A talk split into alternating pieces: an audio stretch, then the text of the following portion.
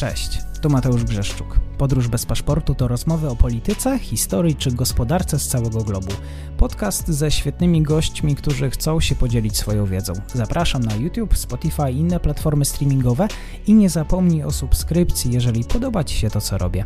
Od czasu do czasu pozostajemy w granicach kraju. Wtedy zapraszam na wyjątkowy odcinek Podróż po Polsce.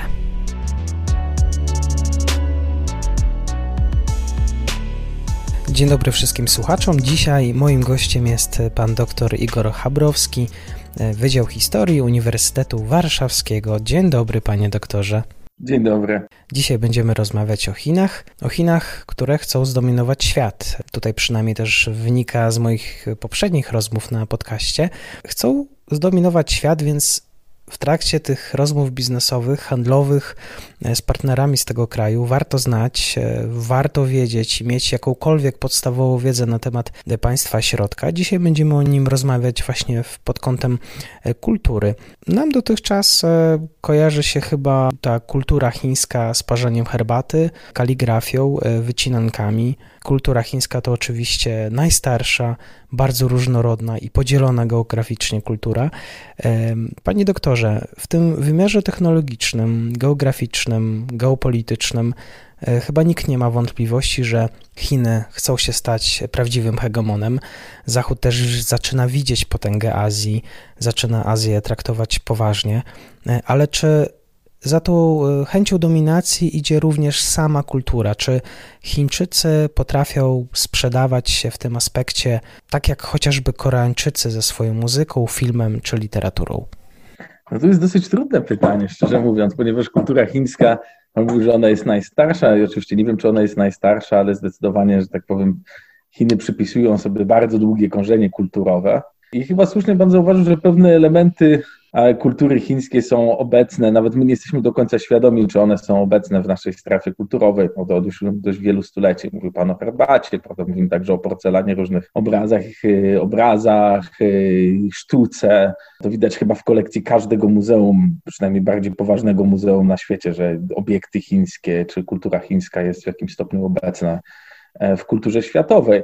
Jeżeli zaś chodzi o współczesne próby, nie wiem, rozlewania kultury chińskiej na cały świat, no to podejmowane były dość duże projekty w ciągu ostatnich 20 lat. najbardziej oczywiście najsławniejsze są z tego, z tego te instytuty konfucjańskie, czy tam instytuty Konfucjusza, które były, są oficjalnie sponsorowane przez tak zwane Hanban, czyli Ministerstwo Edukacji Chińskiej Republiki Ludowej.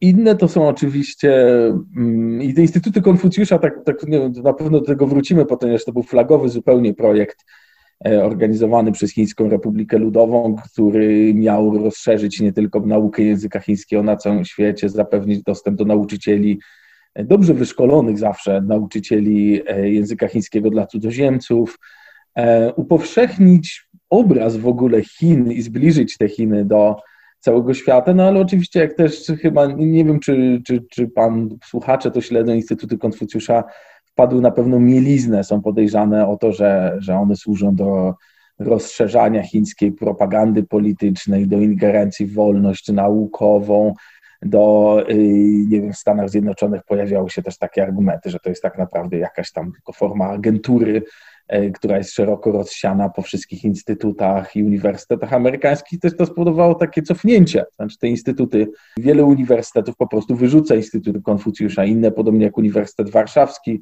miały taki długi romans z próbą założenia Instytutu Konfucjusza. On E, potem było bardzo długi czas, kiedy nikt nie był w stanie tak naprawdę podjąć e, decyzji. Cofano się przed tą decyzją. Część osób jest bardziej, część osób jest mniej przyjazna samej inicjatywie.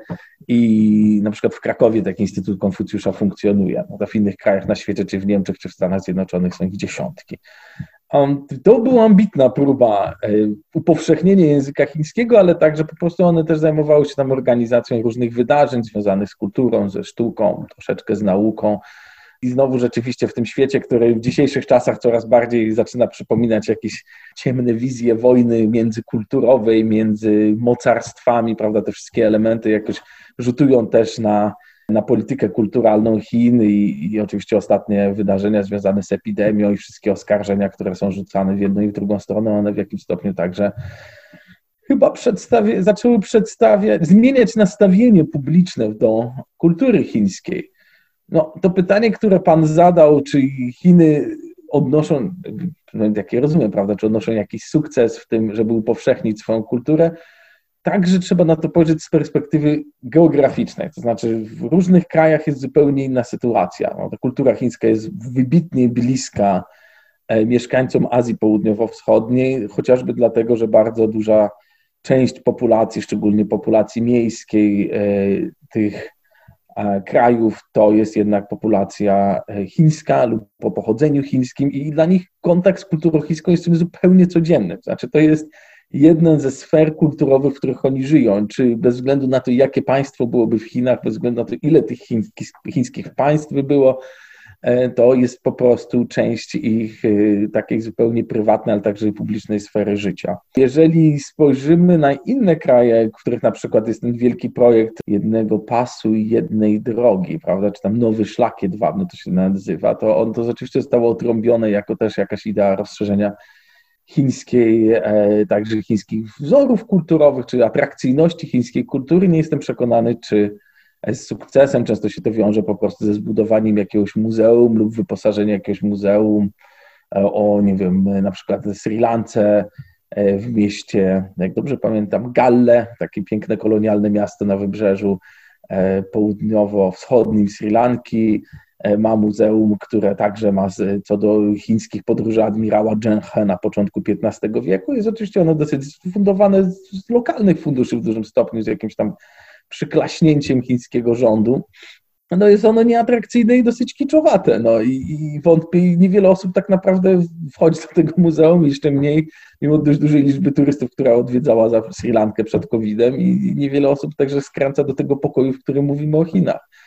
Inna sytuacja jest zupełnie w Europie czy w Stanach Zjednoczonych i to znowu zależy od tego, e, kto tam mieszka, jaki jest duży udział populacji chińskiej, czy w ogóle populacji ludzi, którzy pochodzą z Azji, z Azji Wschodniej, dla których różne elementy kultury chińskiej są zupełnie normalne, codzienne, zwyczajne, czy właśnie wiążące się z kulturą języka, czy wiążące się z elementami kultury religijnej, czy po prostu z pewnymi obrazami, wyobrażeniami, dziełami sztuki, świętami, czy no w ogóle prawda, z całym tym szerokim zbiorem e, tego, co wpisujemy do kultury chińskiej. Ale na, na koniec, ponieważ ja, tak, ja, ja, się tak rozgaduję, chciałem, żeby Pan więcej pytań także mi zadawał, to było łatwiej.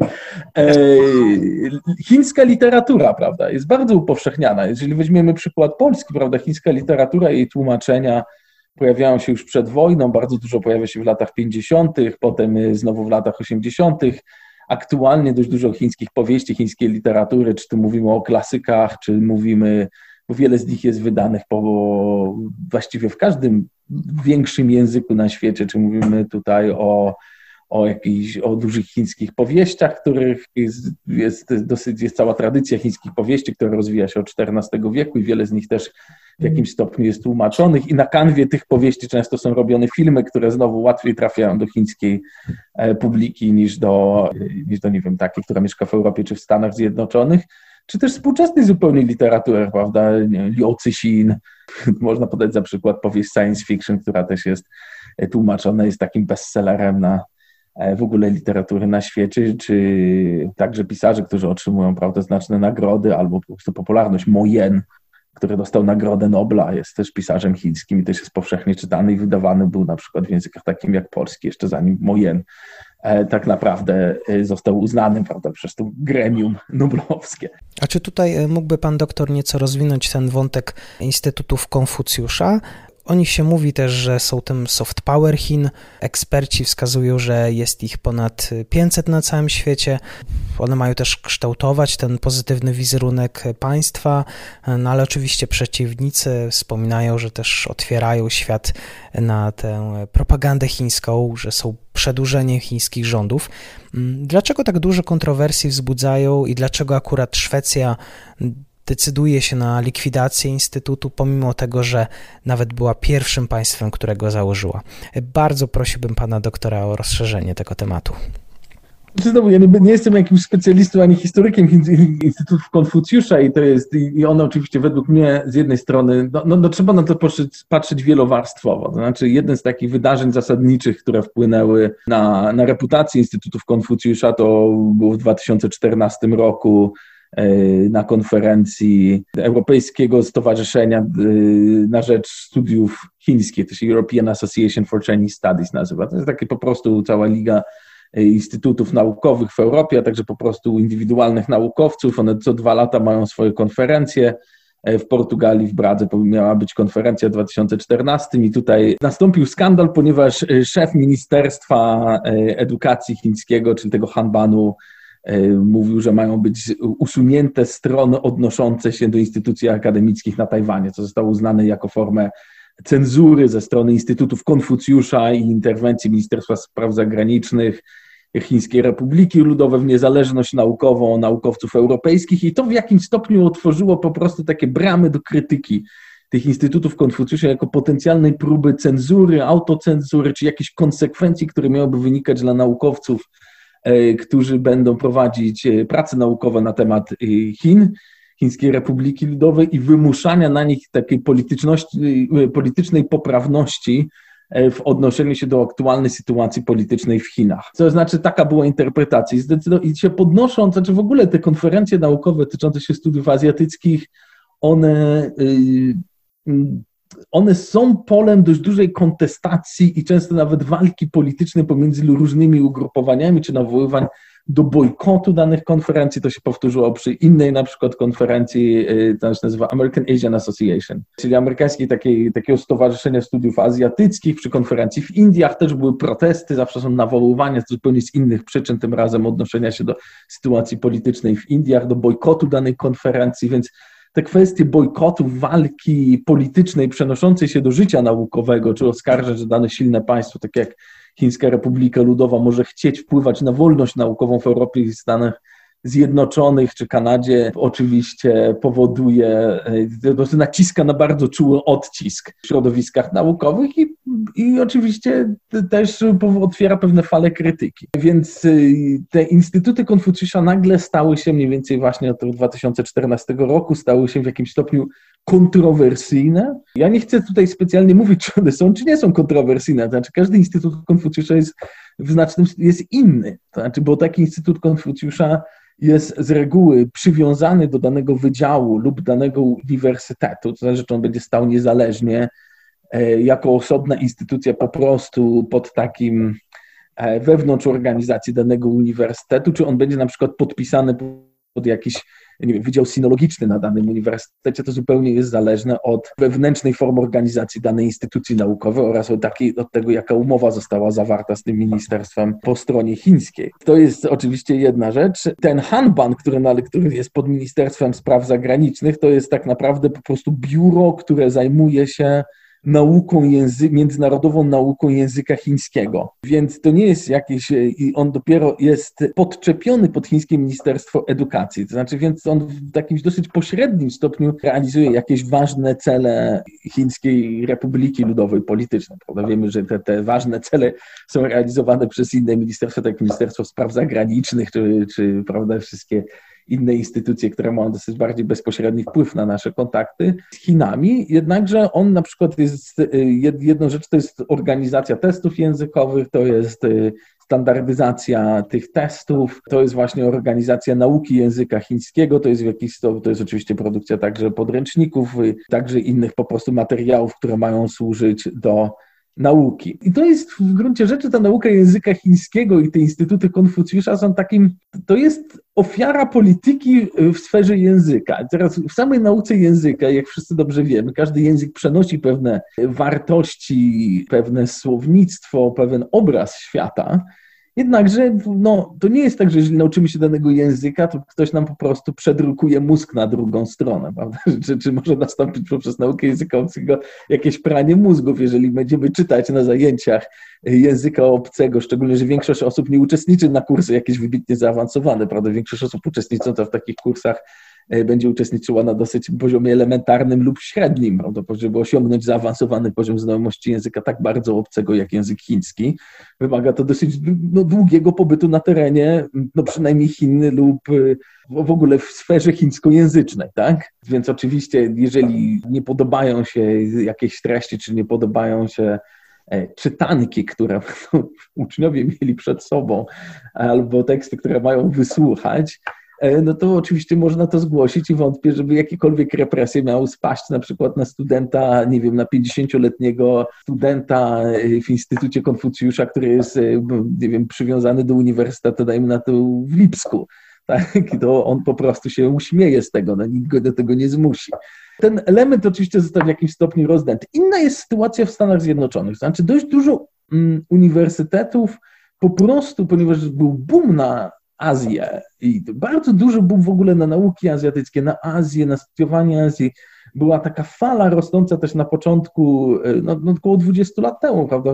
Taka wzniosła się wielka fala także studentów chętnych, e, żeby nawet e, robić doktoraty na temat historii Chin, kultury, polityki Chin, to, to było takie wielkie odkrycie po prostu tego kraju. Wiele instytutów także uznało, że oni przyciągną do siebie te instytuty Konfucjusza, żeby one realizowały program nauki języka chińskiego, który był popularny ale wiele tych instytucji, musimy sobie też zdać sprawę, jest prywatne, to znaczy to nie jest tak, że one są niezależne i to są ci członkowie zarządzający, prawda, czy rady zarządzające tych uniwersytetów, które podejmują decyzje na temat tego, czy przyjąć daną instytucję, czy nie, a nie jakieś tam Ministerstwo Edukacji, które w tym przypadku będzie tylko tam Departament Edukacji, który będzie sprawował bardzo ogólny tylko nadzór nad tymi instytucjami, więc one mają dużą wolę wyboru, jednakże to wiele z nich po prostu posiadało swoje własne programy języka chińskiego, a wiele z nich przyjęło Instytutu Konfucjusza jako takie najlepsze możliwe rozwiązanie. E, tego problemu nauki próby rozwoju się e, tych instytucji w, w, kierunku także poznania lepszego Chin, przynajmniej poznania języka chińskiego. E, to zaangażowanie po stronie amerykańskiej z Chinami też było bardzo głębokie, prawda? po takim zimnowojennym odcięciu od Chin, tam do 1972 roku, dość późno Stany Zjednoczone dopiero oficjalnie nawiązały, bodaj w latach 90. takie w pełni pełnej rangi e, stosunki dyplomatyczne i to spowodowało też no, znaczne zbliżenie i dużo nadziei zainwestowanych w rozwój e, tego rynku i tego całego świata i wymiany pomiędzy, tak transpacyficznej wymiany, prawda? Amerykanie zainwestowali ogromne ilości pieniędzy w technologię w Chinach, w rozwój tamtejszego przemysłu, przenieśli wielką część swojego, oczywiście tańszej produkcji przemysłowej i zawsze patrzyli na te Chiny jako taki możliwy tak dodatkowy motor wzrostu.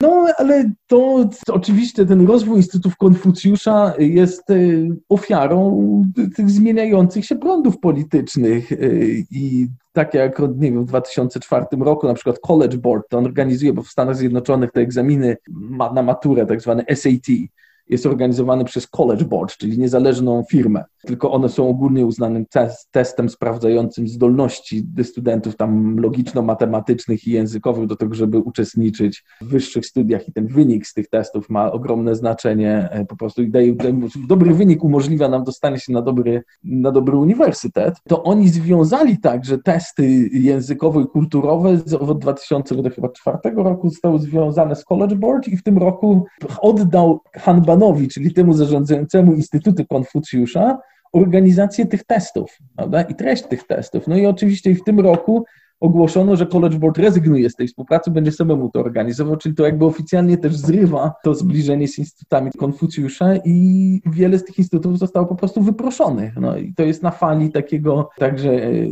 tych oskarżeń, które się pojawiają. Znowu nie będę dochodził, bo też nie, ani nie śledzę ich tak szczegółowo, ani nie a, a także te sprawy są w dużym stopniu w toku. Po prostu oskarżanie naukowców chińskich o niedeklarowanie swojej współpracy, szczególnie w naukach tak zwanych ścisłych, wytworzono po prostu grupę nauk, które uchodzą za strategiczne w Stanach Zjednoczonych. I też uważają, że osoby, które uczestniczą na studia lub badania wewnątrz tych nauk krytycznych, strategicznych, powinny być zupełnie jasne, nie powinny współpracować w sposób tajny ani jawny z żadnymi podejrzanymi przez rząd federalny instytucjami lub państwami trzecimi. No i pojawiła się też na, powoli nasza rozszerzająca się fala oskarżeń przeciwko naukowcom chińskim za to, że na przykład odbierali jakieś tam pieniądze lub byli także zatrudnieni przez jedną z ogromnej ilości instytucji związanych z chińskim wojskiem. Więc można powiedzieć, że te instytuty Konfucjusza, które miały wypełniać oryginalnie, pewnie mają bardzo ograniczony też możliwość wpływania na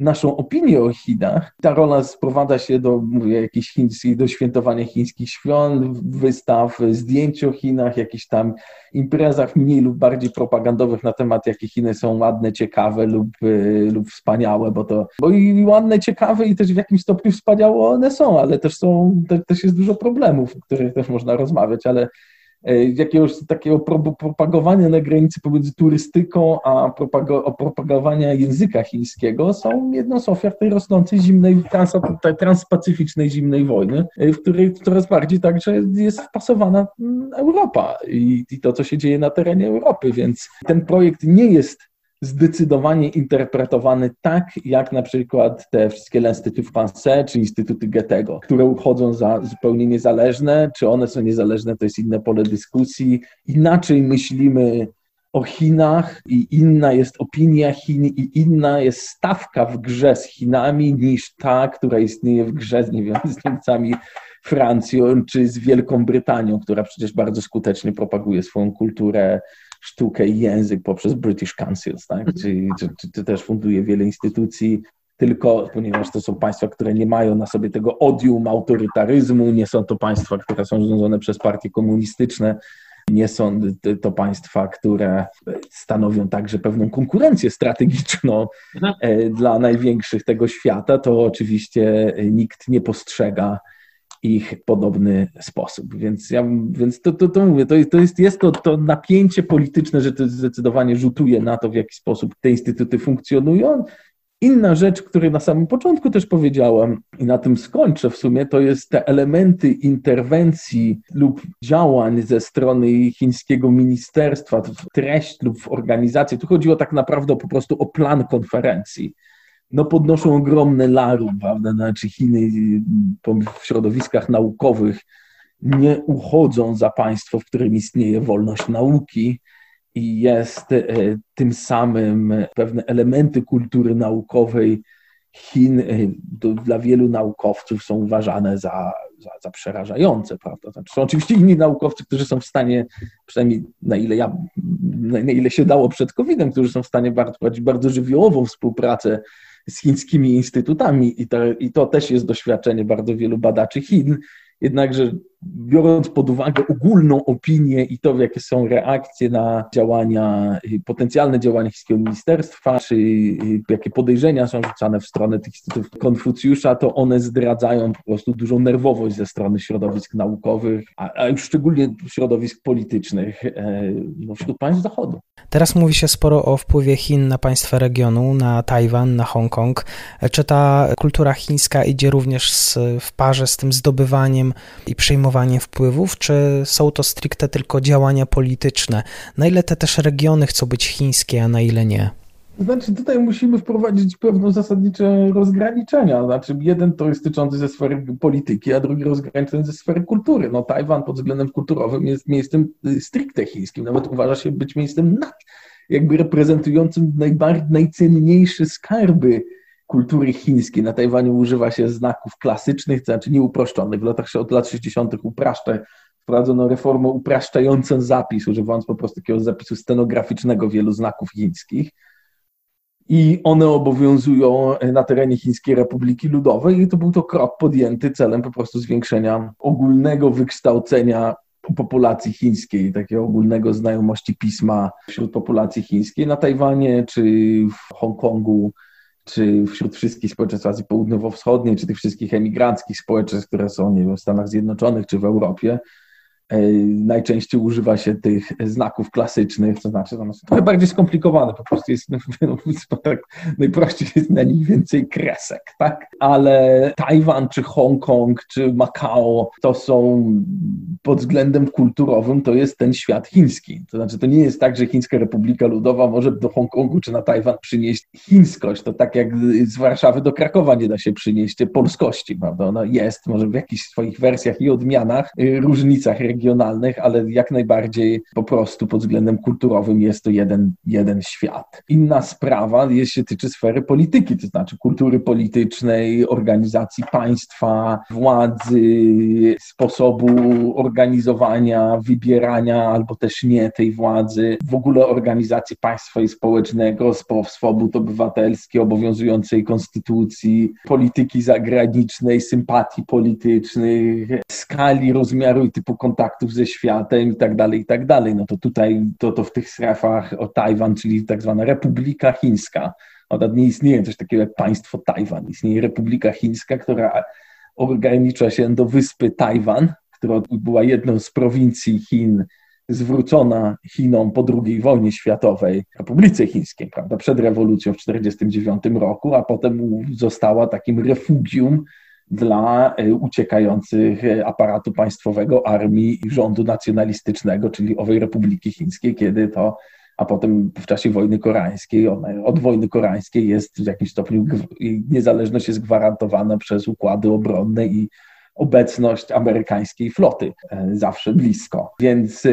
więc Tajwan jest niezależnym ciałem politycznym, który, który od 1949 roku po prostu ma inną historię polityczną niż ta, która obowiązuje na terenie Chińskiej Republiki Ludowej. Tajwan przeszedł w połowie lat 90. proces, znaczy od końca lat 80. do 1995 roku przeszedł e, proces demokratyzacji i na Tajwanie odbywają się powszechne, tajne, pięcioprzymiotnikowe wybory i na Tajwanie istnieje po prostu system demokratyczny w dużym stopniu zbliżony do tego, który istnieje w Japonii, w Korei, czy, czy w państwach Europy, albo, albo w państwach, nie wiem, Ameryki Północnej, czy, czy w ogóle Ameryk. Więc mamy państwo, które jest demokratyczne i to także, ponieważ jest to długotrwały proces, ponieważ Tajwan, na Tajwanie był e, stan wojenny od 1949 roku do 1988 roku, jak dobrze pamiętam, więc Tajwan był takim krajem wybitnie autorytarnym i zmilitaryzowanym, ale te 20 lat, no już ponad 26 lat demokratyzacji, także wykształciła pewne zmiany w sposobie zachowań społecznych i jest oczywiście różnica kulturowa, ale to jest to są ludzie, którzy operują tak jak my operujemy szeroko pojętą kulturą zachodnią, którą niektórzy by odmieniali, czy ona jest bardziej łacińska, czy niektóre elementy są łacińskie, inne są greckie, czy ona się wiąże z jakimiś specyficznymi kulturami językowymi, czy wiąże się z jakimiś lokalnymi także tradycjami, to tak samo, prawda, w tej szerokiej sferze chińskiej, które też istnieje bardzo wiele języków, dialektów i w ogóle tradycji, które znowu Niektóre są wybitnie lokalne, inne są ogólnie obowiązujące, nie wiem, tak jak kalendarz głównych świąt, czy wspólne pismo. To, to są takie, takie zupełnie rudymentarne elementy wspólnoty kulturowej. To ta faktyczna kultura życia na Tajwanie, y, czy sposób życia, oczywiście jest odmienny od tego, który jest aktualnie w Chińskiej Republice Ludowej w jakimś stopniu z powodu warunków życia w społeczeństwie, w którym istnieje od w miarę otwarta walka o władzę wewnątrz struktur demokratycznych, w którym jest y, pełna wolność zgromadzeń i wolność słowa, pisma, w którym które pod tym względem bardzo niewiele różnią się od, e, no mówię, od krajów Unii Europejskiej. Jeżeli chodzi o Hongkong, Hongkong też ma swoją specyfikę i Makao. Makao jest od połowy XVI wieku, była taką, no, było osiedlem, było miastem portugalskim, które należało do chińskiego cesarstwa, więc każdy był zadowolony. Od XIX wieku stało się taką małą portugalską kolonią, która w 1999 roku zostało przyłączone na zasadzie specjalnego regionu administracyjnego Chin. Makao jest malutkim miasteczkiem, bardzo ludnym, e, ma swoje własne tradycje, wiele z nich przypłynęło to, to wewnątrz e, tego świata takiego wewnątrz świata tego portugalskiego i śródziemnomorskiego, co oczywiście miało wpływ także na kuchnię czy, czy język. Język portugalski cały czas istnieje. E, na Makao, obok języka kantońskiego, który jest zupełnie podstawowym regionem tego otaczającego regionu, bo, to, bo to, te dwa miasteczka Hongkong, miasta, w sumie, bo Hongkong jest dość spory, 7,5 miliona ludzi, Makao jest raczej mniejsze, to te dwa miasta, one są częścią tego obszaru kantońskojęzycznego prowincji Guangdong. Największym miastem w Guangdongu jest Kanton, czyli Guangzhou. I ludzie z tego obszaru, który jest wybitnie daleko południowo-chiński, mówią też, mają swój język, który jest bardzo różny od tego, który od standardowego chińskiego.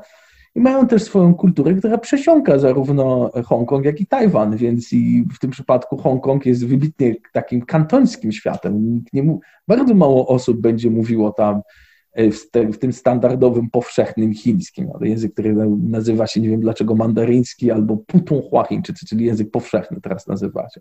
Przedtem nazywam go językiem krajowym, guoyu, tak? czyli język, e, język narodowy, a przedtem po prostu tutaj też e, on wywodzi się raczej z północnego chińskiego, wymieszany z językiem literackim. E, a tam większość osób mówi językiem kantońskim. On ma też swoją specyficzną składnię, wiele słów, które nie istnieją w tym standardowym mandaryńskim, chińskim, tak? I wiele osób także jeszcze posługuje się językiem angielskim, który jest uczony w szkołach.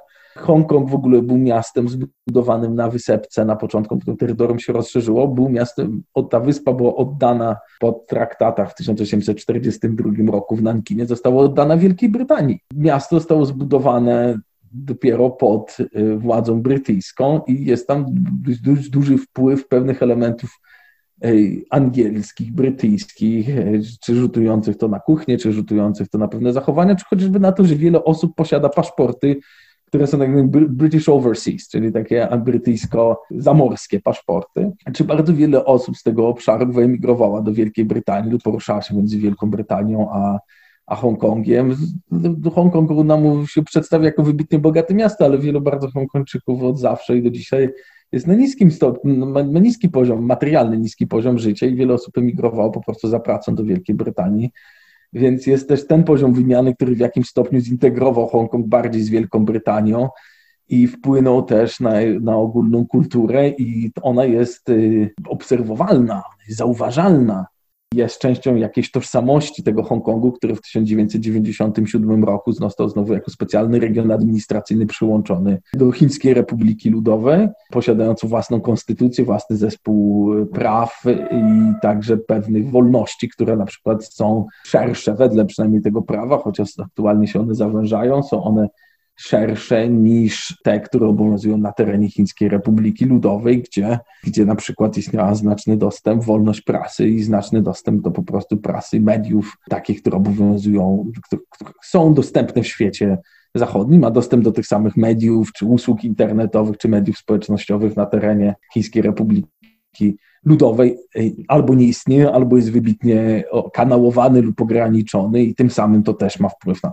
horyzonty myślowe i na, na współczesną tożsamość mieszkańców tych różnych obszarów Chin. Jednakże jeżeli mówimy, bierzemy ogólną kulturę jako taki ogólny zbiór zachowań, przekonań, wierzeń, czy jakichś obrazów kulturowych, y, ról społecznych. To na przykład zauważalne na terenie Hongkongu lub Tajwanu. Jest nawet dalej posunięty tradycjonalizm niż ten, który będzie istniał w dużych metropoliach lub w znacznych miastach na terenie Chińskiej Republiki Ludowej. Oczywiście różnica między miastem i wsią i, i, i różnym formom zaangażowania w życie kulturowe wewnątrz znowu tego całego dużego zbioru jest, pod, podlega różnej infleksji zależnie od klasy społecznej, miejsca zamieszkania, prawda, poziomu życia i tak dalej, i tak dalej. Więc, więc zdecydowanie nie można mówić, że, że w jakimś stopniu Chiny muszą eksportować lub przenosić kulturę. Jeżeli to kulturę, to trzeba to powiedzieć dużo bardziej konkretnie, mówimy tu o kulturze politycznej, i co widzieliśmy w ciągu ostatnich dwóch lat, na przykład jak duży opór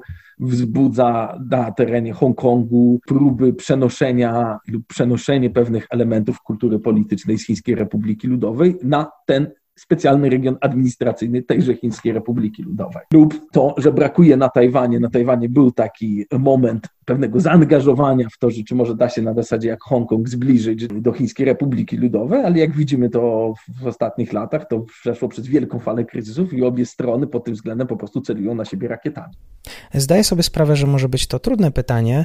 Pierwsze pytanie to o ten dostęp w ogóle Chińczyków do kultury chińskiej. Jak on w ogóle wygląda? Bo oczywiście wiemy o tym, że Chiny to nie tylko wielkie miasta, ale też regiony, wielkie regiony, często bardzo biedne. A druga kwestia to, czy Chińczycy właściwie są przekonani o wysokiej jakości własnej kultury, czy co oni sami myślą o tym Made in China w wersji kulturowej? To są wybitnie trudne i ciekawe pytania, proszę pana. To znaczy, dostęp, jeżeli w ogóle bierzemy pod uwagę dostęp do kultury, no to on oczywiście podlega tej ogromnej, znaczy jest uzależniony od, od klasy społecznej, od możliwości finansowych, od miejsca zamieszkania, sfery kulturowej, w której ktoś się znajduje, od tradycji rodzinnej. Więc to są te takie, nazwijmy, aspekty społeczne dostępu do kultury, które mają na to bardzo duży wpływ. Inny to oczywiście musimy brać pod uwagę po prostu powszechność edukacji, jakość tej edukacji, y, treść tej edukacji. No inną sprawą jest tak, że to w jaki sposób państwo, które jednak we, wszędzie na świecie państwo jest takim głównym mecenasem kultury i głównym fundatorem zarówno prawda, miejsc, w których my możemy korzystać z tej kultury, jak i także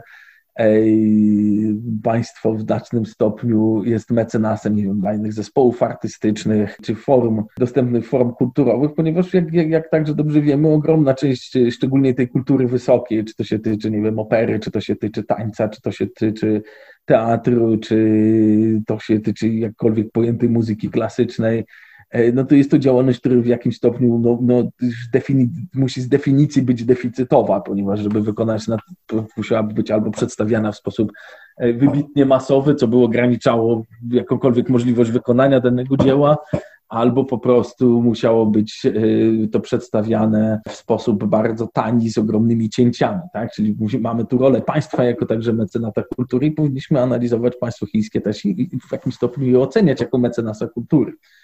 E, no, oczywiście bardzo ważnym też elementem dostępu kultury to jest to, czy na ile wolny jest rynek, y, dostęp do kultury pod względem po prostu wolności artystycznej danych twórców, ich, y, ich możliwości samoekspresji i tego, czy oni będą musieli się dostosowywać do jakiegoś porządku politycznego, prawda, czy jakiegoś tam e, jakiejś polityki głównej siły lub partii politycznej, która sprawuje daną władzę i czy, czy ten, ta sfera wolności kulturowej istnieje i, i do jakiego stopnia ona istnieje. No oczywiście i ostatni aspekt to jest to, prawda, nie istnieje coś takiego jak zamknięta kultura.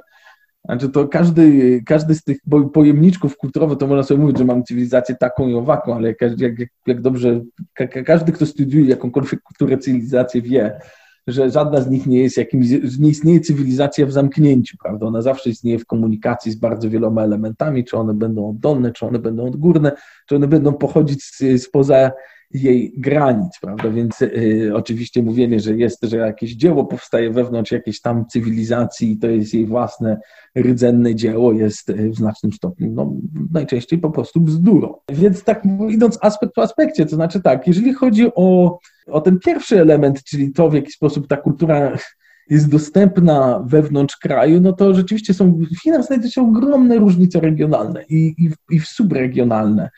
Kraj jednak jest, y, ma rozmiar kontynentalny, przez to nie dość, że jest zamieszkany przez ludzi o bardzo różnych y, tradycjach kulturowych, czy mamy tutaj, prawda, taki mamy daleko odsunięty na ten północny zachód Xinjiang, który znajduje się w zupełnie innej sferze kulturowej, kultury e, bardziej zbliżonej do, do swoich ościennych krajów. E, jest to kraj, jest to muzułmański świat.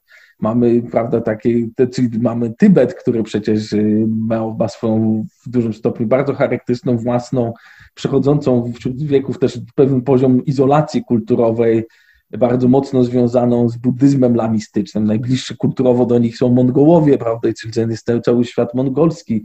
Jest tam tryb pracy i sposób życia jest inny niż rolników chińskich czy pracowników przemysłowych lub też, nie wiem, urzędów lub urzędów, szkół, biur, prawda, pracowników w centralnych regionach Chin, więc takie regiony mają dość duży poziom różnorodności, prawda, jeżeli wiąże się to, to nie wiem, jak jest bardzo dużo pasterzy, czy miasta na przykład na terenie Mongolii wewnętrznej są w, w znacznym stopniu chińskojęzycznej, jak e, większość wsi będzie mongolskojęzyczna, co wynika z takiego bardziej długoterminowego rozwoju historycznego i demograficznego tych regionów. Prawda? Więc ta różnorodność istnieje zarówno pod względem etnicznym i geograficznym, ale także wewnątrz samych tych głównych prowincji chińskich, tych centralnych prowincji chińskich są biedniejsze i bogatsze. Prawda? Są ogromne miasta, tak jak Pekin czy Tianjin, które są miastami wydzielonymi, które są, mają wielką koncentrację zarówno uniwersytetów, jak i teatrów, jak i stosunkowo duży dostęp tak do teatrów, do kin, do uniwersytetów, do bibliotek, które w dużym stopniu zaspokajają też potrzeby prawda, tych szerokich sfer społecznych i stanowi Pekin jedno z głównych, najważniejsze centrum prawda, tej kultury chińskiej w całym kraju, jeżeli na całym świecie. I teraz te większe miasta, w Chinach miasta się dzieli pod względem ekonomicznym na grupy pierwszej, drugiej, trzeciej czwartej, prawda, zależnie od populacji poziomu gospodarczego, zdecydowanie te największe miasta z Wielkiej Ligi mają pozycję uprzywilejowaną, to znaczy to one ściągnęły większość inwestycji w sferze kultury, to one mają najlepsze zaplecze edukacyjne, e, najwięcej wykształconej populacji, najłatwiejszy dostęp do jakiegoś uczestnictwa w życiu kulturowym. Bardzo wiele terenów Chiny pod względem porównania, mimo że w Chinach udało się zapewnić praktycznie ten poziom ogólnego, podstawowego wykształcenia jest powszechny. To jest to, to bardzo duże osiągnięcie, chyba jedno z najważniejszych, jeżeli można wymienić jedno ważne osiągnięcie Chińskiej Republiki Ludowej, naprawdę człowiek był ultra krytyczny wobec tego kraju, to mniej powszechne wykształcenie na poziomie przynajmniej podstawowym jest tym właśnie osiągnięciem. Więc to zdecydowanie trzeba stwierdzić, co oczywiście przekłada się na to też, że to wykształcenie w różnych strefach kulturowych jednym daje więcej, drugim mniej. No, więc ja znam bardzo dużo stosunkowo odizolowanych miejsc, w których być może jest jakaś szkoła, być może do szkoły trzeba dojechać.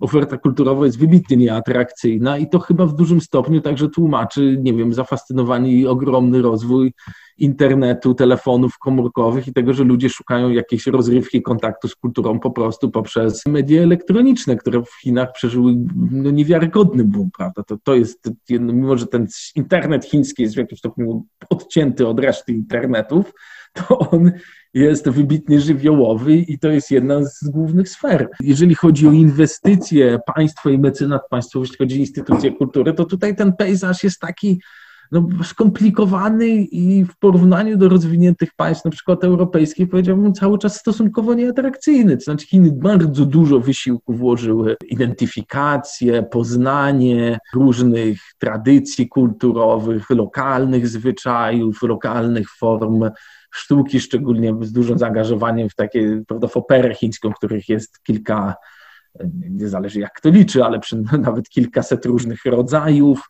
kilka z nich, ona jest bardzo zregionalizowana, ale też są największe różne typy oper chińskich, które same w sobie prawda, mają tą rolę narodowych, sztuk, one także są rozpoznawane jako ten, to dziedzictwo niematerialne, część z nich jest przez UNESCO, część z nich ma bardzo wysoki stopień rozpoznania i także ze strony państwa, co niekoniecznie się przekłada oczywiście w jakiś wysiłek poznania naukowy, zapewnienia, próby zdobyć badań, zebrania największej ilości skryptów, jakieś zapewnienia ochrony kulturowej tym różnym formom, ale z drugiej strony także dostępność jej na takim szerokim rynku kulturowym jest, jest wybitnie ograniczona. To znaczy, to kiedyś, nie wiem, dając przykład opery, kiedyś opera była dostępna na prawie każdym wiejskim festiwalu religijnym. W dzisiejszych Chinach, nawet w dużych miastach, znajduje się jeden, dwa, może cudem, może w Pekinie kilka teatrów, które będą miały regularny przedstawienia opery chińskiej. Być może poziom artystyczny się podniósł, bo Chińska Republika Ludowa ma swoją specyficzną historię. Na początku były duże nakłady na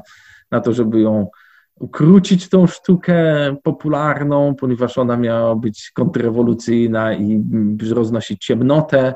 Potem zaczęła być chroniona mniej więcej od 52 roku, potem znowu została totalnie wyrzucona w 66 z rewolucją kulturalną do śmietnika i wyłączona właściwie i niedostępna dla nikogo. Następnie był duży powrót w latach 80. po odejściu od tej takiej wybitnie radykalnej polityki rewolucji kulturalnej i nowe pokolenie od mniej więcej początku lat 2000 ma słabszy poziom zaangażowania, ale też spotyka się z mniejszym dostępem do samych, dajmy na to, przedstawień, a będzie mogła mieć kontakt, jeżeli ludzie są zainteresowani z tym typem kultury, e, konsumpcją tego typu kultury, bo tu mówimy o konsumpcji kultury, bardziej niż, że kultura jest albo nie jest. Konsumpcją kultury będzie to w formie jakichś filmów, w formie rzeczy, które można ściągnąć z sieci, w formie, no już, już zmienił się format także dostępności tej kultury. Kin kiedyś w Chinach było bardzo dużo, potem był spadek, teraz jest na nowo wzrost liczby Chin, Chin, chiński rząd bardzo, bardzo, bardzo intensywny mecenat i ochronę chińskiego kina, które no, każdy z nas może je obejrzeć i pod względem jej jakości on no, jest znowu bardzo różna. Są dobre prace, są szmiry, prawda, ale tak to przecież istnieje też normalnie w świecie kinematografii. Jest y, ta rola państwa także, chyba na nią warto się przenieść i zwrócić uwagę, ono rzeczywiście pod, w ciągu ostatnich lat bardzo się zradykalizowało także pod formie takiego swojego aparatu propagandowego. Ono jest bardziej nacjonalistyczne, dzisiejsze Chiny, zdecydowanie pod względem swojego języka, promocji, ochrony kultury, w ogóle produkcji, które mają w jakimś stopniu też spełniać funkcje polityczne. Był taki okres odwilży od takiej, takiego nacjonalistyczno-pro partyjnej produkcji kulturowej w latach 80. i potem jeszcze w latach 90. także. Aktualnie jest raczej skręt w stronę tej bardziej upolitycznionej sztuki, co to rzutuje oczywiście na ilość i dostępność danych, danych dzieł a, i w ogóle na to, że, że, że duże pieniądze idą na dzieła, które, które mają, no, no najsławniejsze to oczywiście była Olimpiada, prawda, Ten gigantyczne, gigantyczne przedstawienia w czasie, w trakcie Olimpiady są takim jakby pierwszym bardzo głośnym dzwonem jakiegoś nowego modelu kultury chińskiej, w który inwestuje bardzo intensywnie partia. Więc, więc pod tym względem rzeczywiście mamy też dostęp do takich bardzo upolitycznionych form kulturowych. Teraz jak pan pytał się, czy jaki jest obraz tej kultury chińskiej, no ja bym powiedział, znaczy zwrócę uwagę na to skomplikowanie, znaczy naukowcy chińscy, ludzie wykształceni, ludzie z wyższym wykształceniem, ludzie zainteresowani kulturą, no zawsze będąc w Chinach wpływają w bardzo dużym morzu, można powiedzieć. W tym morzu znajduje się bardzo dużo ciekawych i ładnych okazów i można, i, i rzeczywiście jest się czym cieszyć. Y, są bardziej lub mniej aktywne centra kulturowe. Y, jest bardzo wielu artystów, pisarzy, działaczy, którzy nawet bez jakiegoś specjalnego me, mecenatu państwowego są w stanie produkować ciekawe prace. Więc pod względem kulturowym, jeśli jest się w odpowiedniej sferze, jest wybitnie ciekawie. Yy, oczywiście ci ludzie, to nie jest pod żadnym względem kultura zamknięta, ci ludzie będą mieli jak najbardziej otwarte oczy na to, co dzieje się w szerszym świecie, mają była najważniejsza rzecz, która dokonana była przez chińskich intelektualistów, e, poza, że tak powiem, odgruzowaniem po rewolucji kulturalnej, było nawiązanie szerokich kontaktów na całym świecie, podróżowanie, kontakty z kolegami wszem i wobec. Także tego typu działania były też promowane przez państwo, więc prawda, zależnie w której strony wiatr wieje od państwa, też łatwiej jest w tej strefie takiej rozwoju pewnego kosmopolityzmu kulturowego. Chińczycy będą Zależnie znowu od klasy społecznej. No, jeżeli ktoś jest w asach niższych społecznych, przy niższym poziomie wykształcenia, znajomość i kontakt z kulturą chińską, to jest ta kultura, z którą oni się kontaktują. Jest związana z pewną sferą wiedzy, z pewną prawda, sferą rzeczy, które uchodzą za absolutnie oczywiste w danym sferze kulturowej, tak jak u nas oczywisty jest, nie wiem, w Polsce, że istnieje Boże Narodzenie i Wielkanoc, tak jak tam istnieje, nie wiem, święto będzie, nie wiem, Cinnindzie, albo będzie święto chińskiego Nowego Roku, prawda? I, I, większość osób, które mają oczywiście ograniczony dostęp do wiedzy, czy ograniczoną edukację, żyją w świecie zaludnionym mniejszą ilość obiektów, artefaktów kulturowych i mniejszym zrozumieniem, także umiejętnością poruszania się wśród, wśród tych bardziej wykształconych ludzi, to oczywiście to, ta sytuacja staje się dużo bardziej skomplikowana. Chińczycy będą typowo dumni ze swojej kultury, ponieważ z jednej strony zawsze im się powtarza, że to pięć tysięcy tradycji kulturowych, cywilizacji i ona jest taka bogata, bogata jest, a z drugiej strony, jeżeli się szeroko rozmawia i ma się chińskich znajomych i kolegów, wielu z nich będzie dopatrywało się też, będzie bardzo ciekawa tego, co jest y, w świecie, będzie krytyczna także wobec y, różnych tradycji lub zwyczajów, będzie także szukała jakiejś form porównania lub zrozumienia różnic kulturowych, które mogą być czasami między prowincjami, czasami między miastami, a czasami między, nie wiem, y, Chinami a Europą. I będzie, będzie także poszukiwała tego i starała się zrozumieć, czy ta, to, co oni wiedzą i to, w czym oni żyją, jest, nie jest atrakcyjne. No, więc, y, więc oczywiście, chyba kończąc po prostu tą myśl, to no, no, w porównaniu do wielu innych krajów na świecie trzeba przyznać, że Chiny, Chińska Republika Ludowa jest jednak krajem cały czas stosunkowo dość izolowanym od głównych nurtów istniejących w świecie, tak zwanym świecie zachodnim, ale także głównych nurtów, które istnieją nie wiem, w innych krajach, czy to będzie Indonezja, czy to będą Indie, prawda, też bardzo produktywne centra kulturowe, też bardzo specyficzne. Ten poziom pewnej izolacji, który wynika po prostu z, nie wiem, z braku dostępności szerokiej do, do książek, do filmów, do przedstawień, do podróżujących trup teatralnych, do koncertów, do no w ogóle tym, czym zaludniony jest rynek kulturowy w Chinach, to także buduje pewne sentymenty, no dość powszechne, choć nie, nie, nie, nie powiedziałbym, że w jakimś stopniu, że to, że, że to będą jakiegoś takiego pewnego, nazwijmy to, nacjonalizmu kulturowego, ale bez jakichś specjalnie agresywnych elementów w tym. To nie jest nacjonalizm, który polega na tym, że trzeba coś zniszczyć, to jest nacjonalizm lub walczyć z jakimś wrogiem, to jest raczej przekonanie o tym, że my tu mamy tak dużo wspaniałych rzeczy, a świat na zewnątrz jest bardzo, bardzo różny mimo że często ten świat na zewnątrz wcale nie jest tak bardzo różny, więc wielu Chińczyków, szczególnie mniej wykształconych, walczy y, i jak szczególnie w kontakcie z cudzoziemcami stara się jakoś tego zjeść tego cudzoziemca i dowiedzieć się, co w nim tak naprawdę siedzi, czy to rzeczywiście jest takie różne, czy nie jest takie różne czy, czy my mamy to i czy oni mają tamto, ponieważ no, no, ten rynek kulturowy jest cały czas podlega dużym ograniczeniom. No, one są rzeczywiste, są po prostu y, polityką państwa. Bardzo dziękuję panu za nasze dzisiejsze spotkanie, za opowieść y, o Chinach. Y, moim gościem był pan dr Igor Habrowski z Uniwersytetu Warszawskiego. Bardzo dziękuję. Dobrze, dziękuję bardzo także i życzę miłego dnia.